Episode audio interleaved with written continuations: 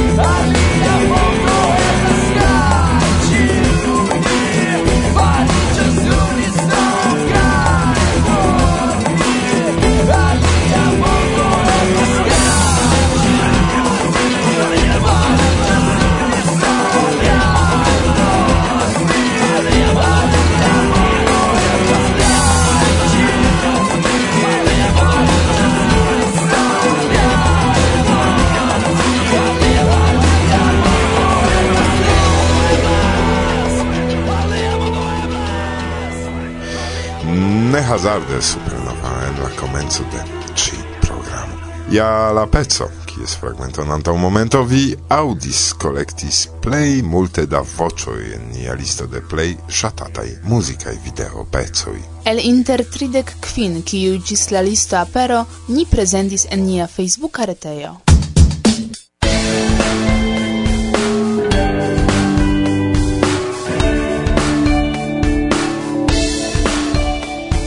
Eblis Vocdoni electi maksimume tri el la collecto. Kelkaj rimarkis la liston kai voĉdonis.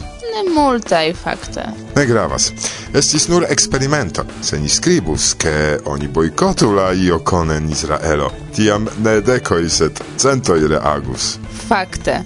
Kaj ce la ocaso unu insultus kai offentus la alien. Tamen eh, ne tion ni ceras, ciu? Ne tion. Do. Eh, tempo la programon comenzi la provizora studio de Varsovia Vezo salutas vin la teamo de Cielsendo, Martusia, Goszka, Karina, Agata, kaj mi, Jirek.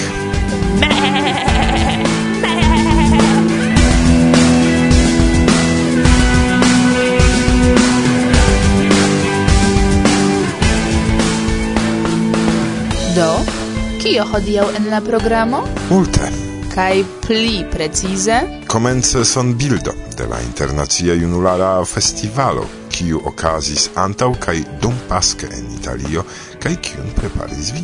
Jes, sed nur montis, ĉar la son materialon dum la IOFO fakte kolektis Agata, dankon Agata. Kaj la printempajn rememorojn sekvos plena de novaĵoj, renkontiĝo kun Kimek. Goshka Me prezentos elektitan de si artikolon de la ducent kvindek tria numero de kontakto. La antaulasta. Yes, aperis jam nova. Pri kio en eh, torturute reklamo kelkajn tagojn antaŭe jam eh, ni anoncis. Poste Karina gvidos sekvan parton de la kurso. Kaj fine de la programo, la tria parto, absoluta novaĵo. Kelka jaroj antaŭe en libro servoj oni povis rimarki aperon de nova libro. Bona espero, idealo kaj realo de Roman Dobrzyński. Kiu forme de dialogo kun gesignoroj Gratapalia rakontas historion de tiu ĉi Brazila edukejo. Kaj tiel okazis, ke pro kunlaboro ni ricevis rajton prezenti al vi vastajn fragmentojn el ankoraŭ ne eldonita sona versio de la libro. Vi audos la voĉon de Roman Dobrzyński, Ursula kaj Giuseppe Gratapalia kaj de Ludovico Zalewski Zamenhof. Ties vi ne misaŭdis. La heroi de la libro pri la historio de Bona Espero rakontos al vi mem. Kai tion cion pli colorigos musico, kiun fakte mem vi electis Do, bonan. Ausculta. Don.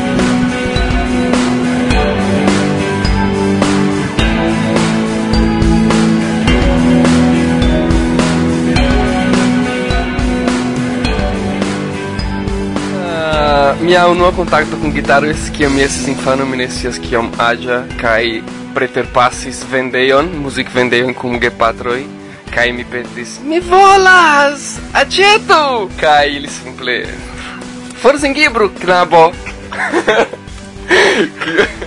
Kaj kaj mi ploris ili ne aĉetis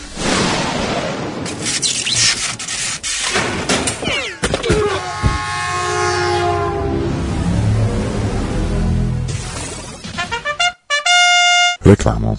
Yes, ja, jen Johnny M Che, Varsovia Vento. Yes, ja, tie ci eh, Johnny M de Germanio kaj eh, mi volas presenti al vi tre rapide mia novan albumon. Ĝi Reggae Stilo, kai gi aperos je la 12 junio ci jare. Yes, do bon vole subtenu vinil cosmo, kai subtenu min kai audu aŭdu mojosegan musicon. Yes, Varsovia Vento, dankegon. Mi volas diri dankan, ai i plei bonai amicoi en la mondo. Do dankon Che vi ciam ci estas con mi En mia vivo. Molte ocasis, molte successis Cai mia fido. Per bonai amicoi crescis Estis longa vojo, sed la povo de la homoi Creis propran mondon kun belai sonoi Kun kelkai malfortoi. Tion mi confessas, sed ni povo tion Mi promessas, yes, ja mi volas diri dankon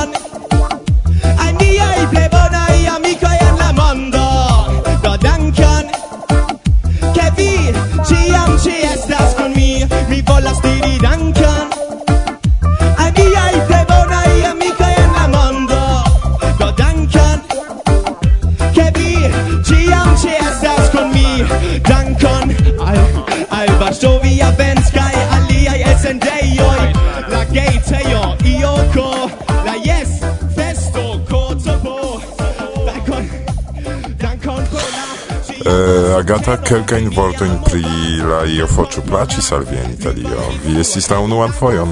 Nu jes, estis mia dua renkontiĝo post kai Kaj? Kaj unua fojo en lando kiu ne estas najbaro de polando eĉ. Hmm, nekredeble. Kio estis memorinda? Tutcerte etoso. Alia bona afero kiun mi ŝatis estas ke memzorgantoj kaj nememzorgantoj eh, manĝis kune kaj ni bezonis havi neniun manĝ kuponon por eniri la manĝejon kaj tio estis bone. Kaj la spertoj pri la busa vojaĝo tie kaj ren Och, vojaĝo estis tre longa. Unu kaj duono de tago. Do nuntempe vi rajtas saluti geamikojn kiujn vi tie renkontis. Och, jes mi certe salutas eh, ciuin homoin kiuj estis tie kaj mi ege ĝojis agata iom surprizita, ke mi demandis ŝin eh, pri tio, kaj nuntempe eniru ni en eh, sonraporton pri la IFO, kiun agata kun eh, helpis, ĉar ŝi registris sola.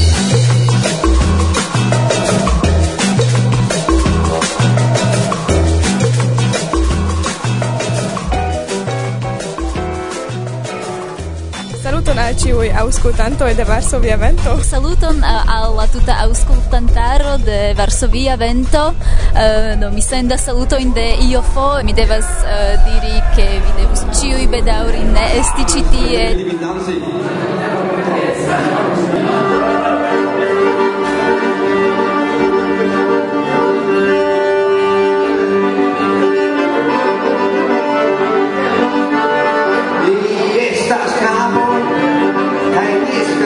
Señor.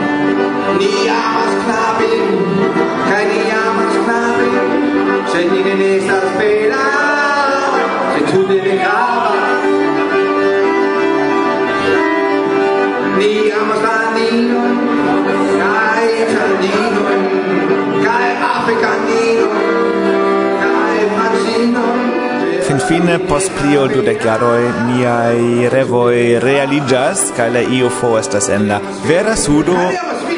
Mi amas vin, ke.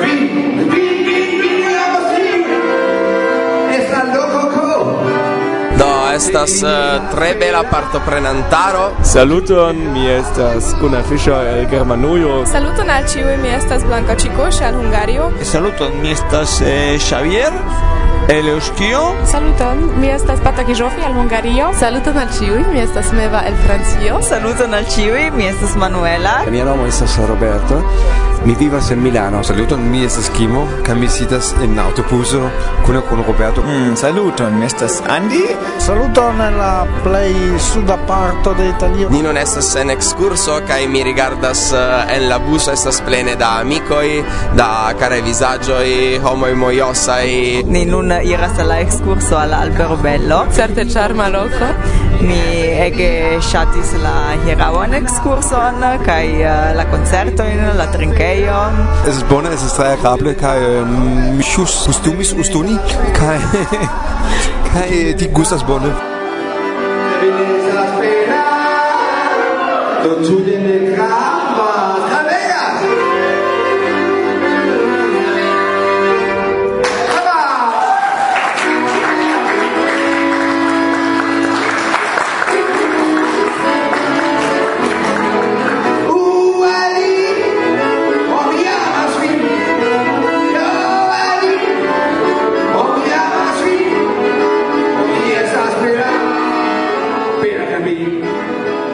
vere havantas tre bonan etoson.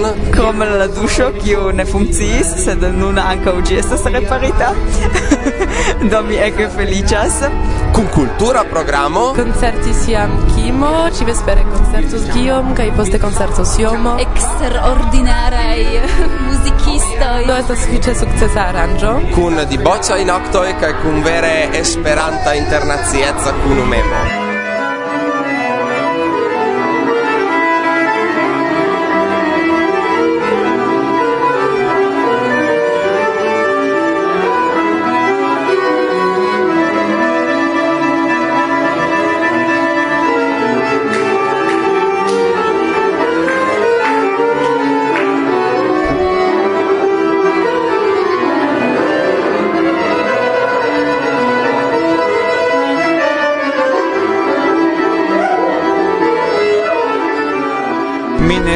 juna, sed mi ĝuas ege de ĉi tiu etoso juna. Mm, se vi havas okazon, venu al Italia IOFO. char ĉefe la vespera kaj nokta programo mojosas kaj la trinkejo multe subtenas la etoson estas vere kiel la plej bona trinkejo iam spertita. ec lumo estas bona. Ca estas ĉi tie dudek gradoj, la suno brilas, kaj mi ankoraŭ ne naĝas en la maro verinde. Estas mia tria iofo, kaj la dua ratreveno, kaj mi partoprenis mian unuan Esperantan aranĝon. Kaj mi unuafoje partoprenas iofon en eh, suda Italujo, do mi ege ĝuas la aranĝo kaj retrovis multajn amikojn. Mi tre ĝojas esti ĉi tie en la iofo, tio estas mia dua aranĝo kaj mi parolas Esperanton eh, malbone.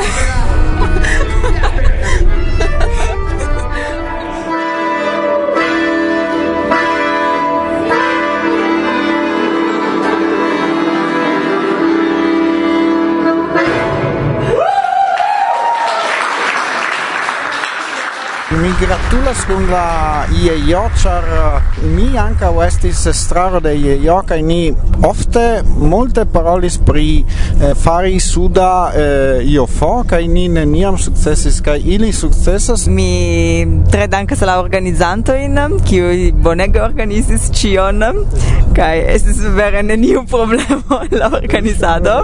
Estas treege gioia che mi consilas fari de nove kai daurigi in tiu director. Mi devas paroli esperante cia.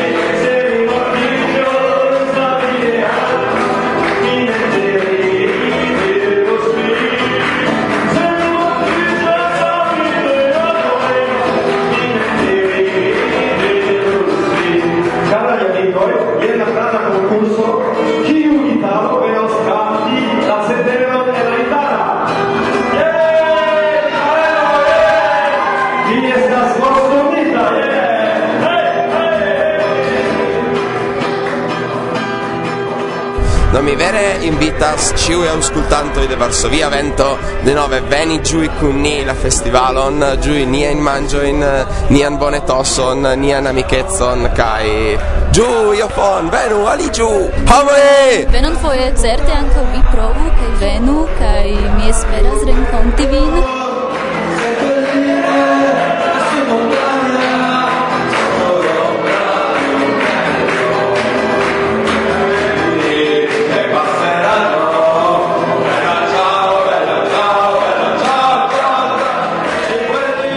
salutas la homo en la neĝaj landoj de Mez Eŭropo.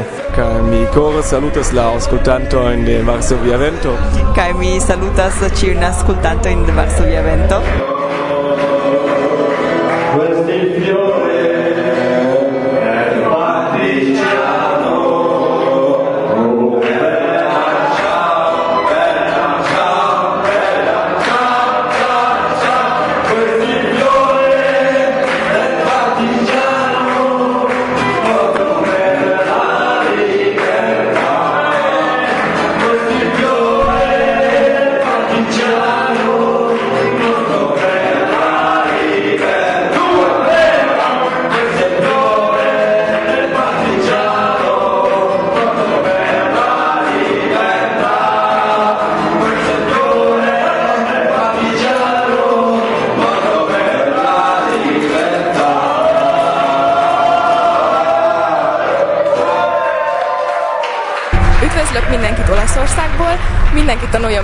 Pántól, mert nagyon jó nyelv.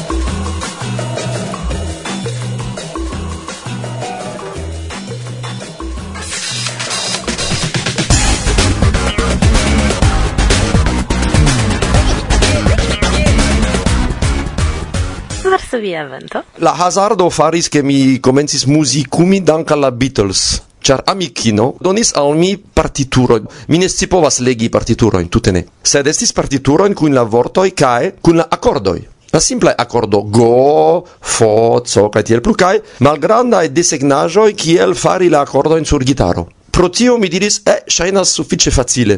Ni conas la canzonoin, oni montras kiel meti la fingroi, povas esti facile, do mi accetis gitaron. Estis pasco de la jaro 1977, pasintan jarcenton, kai acetis gitaron, kai comencis lerni canzonoin de la Beatles, kai mi tre shatis.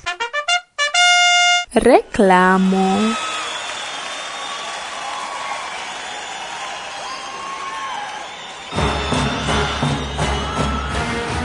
Ĉu vi volas senpage partopreni la plej grandan muzikfestivalon de Norda Eŭropo? Ĉu vi volas festi semajnon kun sepdek esperantistoj kaj cent mil aliaj frenizuloj? Deo invitas vin al Roskilde, okcidente de Kopenhago en Danio. Senpagaj loĝado kaj vegetara manĝado, tute kvar horoj da laboro en la festivalejo kaj festoj ĉiutage. Plia informoj kaj aliĝo en roskilde.festoclubber.doco. Ci sbaldao!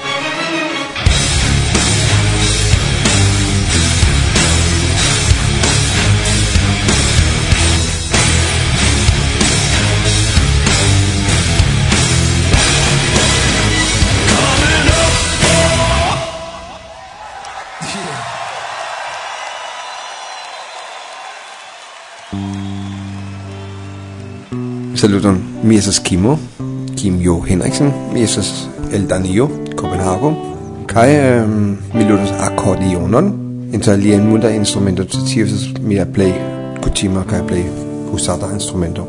Mi pagis kutison al ioko, sed nenio restis alla muia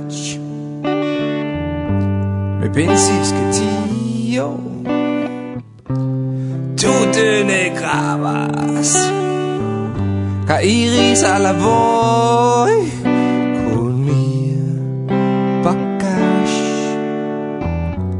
Mi levis la manon Vedetis alla ceforoi sed neniu haldis kaj kun potis min.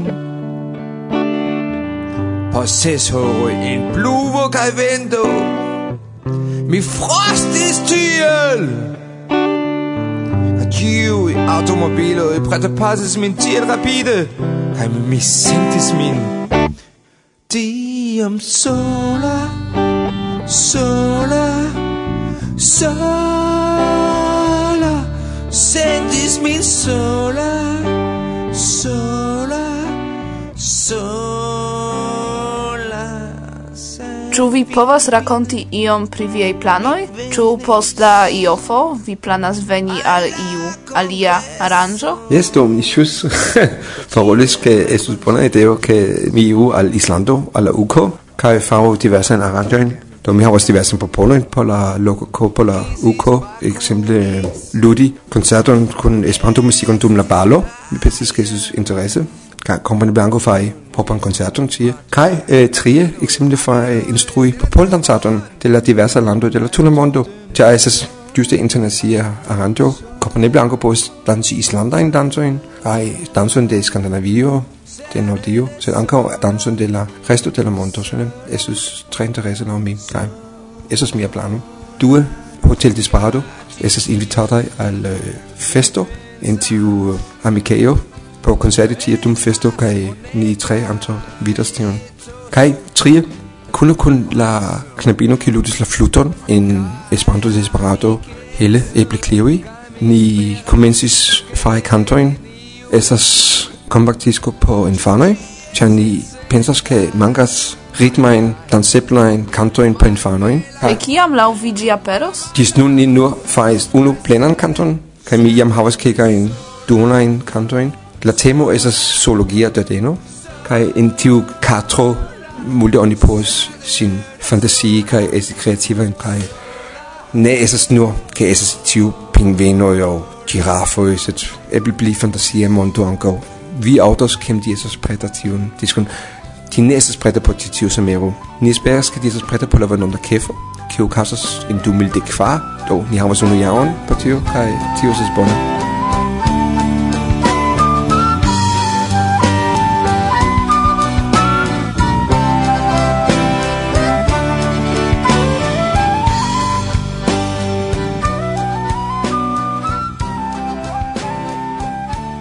Ĉu vi povas rakonti pri kefo, ĉar eh, vi multe faras por tiu okazaĵo? Yes, mi ŝatus multe paroli pri kefo, samtempe estas multaj nesciojn. Iam dufoje ni volis plani la dekan kefon, sed pro diversaj kialoj, pro la ejo estis problemoj, ankaŭ estas kiu aranĝu la fenon, sed laŭdire kaj almenaŭ ĝis nun ni aranĝos ĝin denove en Elsinoro ni iom hisidis tiu arantil en la sama logo, ĉar ĝis nun la naŭaj antaŭaj kefoj neniam okazis en la sama logo. Sed tamen estis bona logo, tre proksime de Svedio, nur dudek minutoj per la pramo. Ni ŝatas tiun internacian uh, etoson kaj estas preskaŭ en la centro de la urbo kaj la urbo ne estas tro granda tiel ni estas pli vidataj en la urbo kaj unu el la kialoj fari kefoj estas ĝuste montri nian kulturon al la cetera mondo. Ĉu vi povos nun fari mallongan reklamon de kefo? por allogi homoin? La kialo por veni al Kefo estas la kultura Esperanto festivalo, di estas la deka kai la kultura Esperanto festivalo havas tion unu ekan aferon kiu niui aliai aranjoj havas en la Esperanto mondo kaj ti nur presentas originalan esperanto kulturon. Fakte et kelkaj orkestroj naskitis dum Kef, kel persone do Kef estas unika afero. Dum la jes ni povis vidi vin kun bando dangera, Ĉu daure iom vi helpas kaj instruas ilin kiel ludi kaj komponi? Jo, ili mem esas bonaj muzikistoj. Ili ludas unu melodion, kiun mi verkis. Mi esas fiera per tio. Mi klopodas helpi ilin, sed ili ankaŭ esas junuloj kaj mi volas esti memstaraj kaj fine ago mia filo ja ludas eh, la trumojn en la orkestro kaj kiel patronin ne tro miksus sin en la afero de doleska junuloj.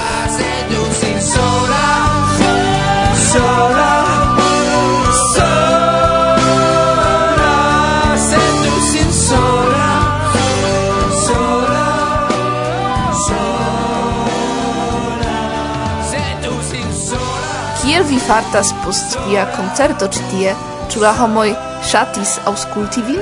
Do, mi ne scias ĉu ili ŝatis aŭskulti min, ĉar ili fakte dancis preskaŭ dum la duona koncerto. Mi esperas ke tio signifas ke ili ankaŭ ŝatis. Fakte ili faris lokon por danci. Yes, kaj um, eble mi faru same kiel Guillaume ke faru tute trankvilajn koncertojn tiel ke homoj sidas kaj aŭskultas miajn kantojn. Sed do ankaŭ estas komponeble agrabla feo che come danzas al ilis ne vi vere successus pari in uh, eh, concerto che come sidas? Mi fakte fais per sinfol partoprenis iofon. Mi fais presque du horan concerton in la Kufujo.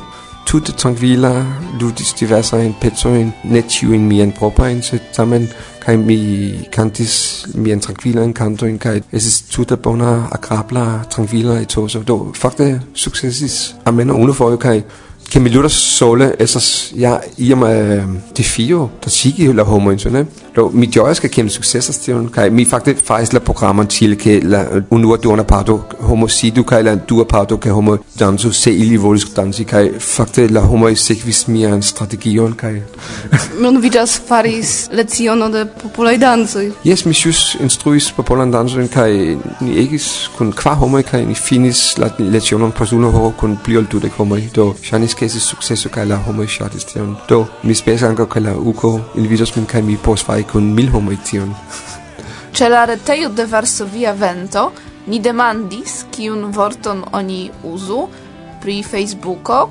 kai vi reagis iom vigle. Kial?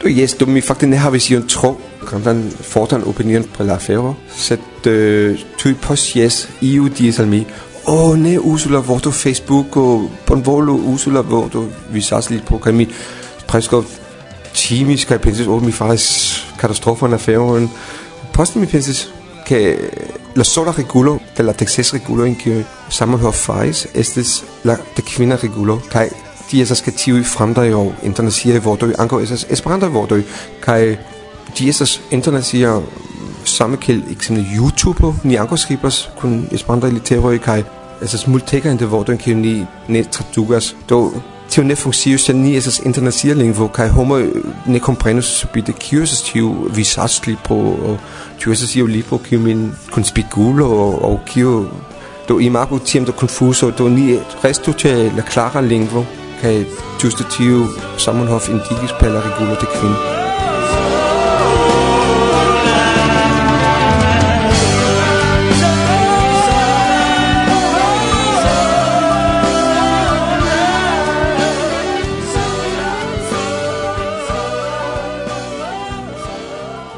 Varsovia vento.